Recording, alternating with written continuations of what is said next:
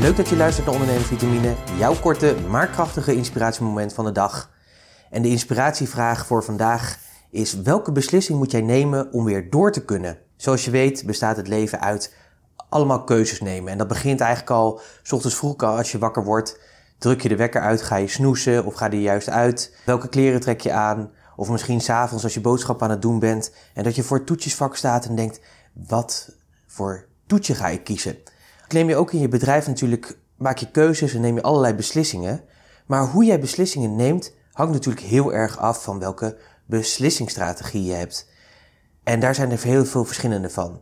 Ik ben bijvoorbeeld iemand die heel snel beslissingen kan nemen. En dat komt omdat ik ja, vaak voor me kan zien als, ik, als er iets is of als ik een keuze moet maken, wat de voordelen van de keuze zijn, wat de nadelen zijn en of ik erin geloof ja of nee. En dan kan ik heel makkelijk ja of nee zeggen. Maar ik ken ook mensen die bijvoorbeeld een beslissingsstrategie hebben, die eerst alles willen uitzoeken.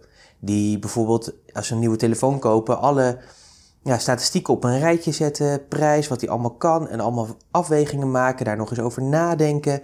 En dan uiteindelijk, als ze dan de beslissing hebben genomen om het product te kopen, in dit geval de telefoon, dat ze dan daarna nog gaan kijken of ze de beste koop hebben gedaan.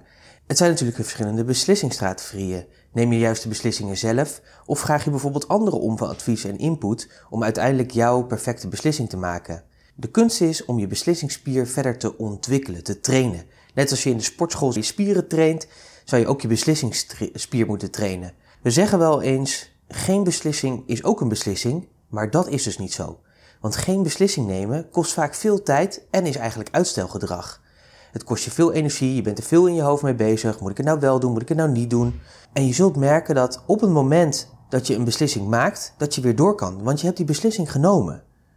En dat is heel erg fijn. Je kunt gewoon weer verder. Want jij hebt die keuze gemaakt. Dus durf dus ook te kiezen en te beslissen. Er is namelijk absoluut geen goed of fout. Jij hebt die keuze gemaakt en dat is op dat moment gewoon de goede keuze.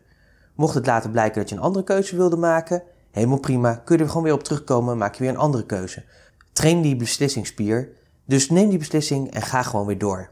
Dus mijn vraag voor vandaag aan jou is: welke beslissing moet jij vandaag nemen om weer verder te kunnen? Neem deze vraag mee, denk erover na Ga ermee aan de slag, neem die beslissing en dan spreek ik je morgen. Tot morgen.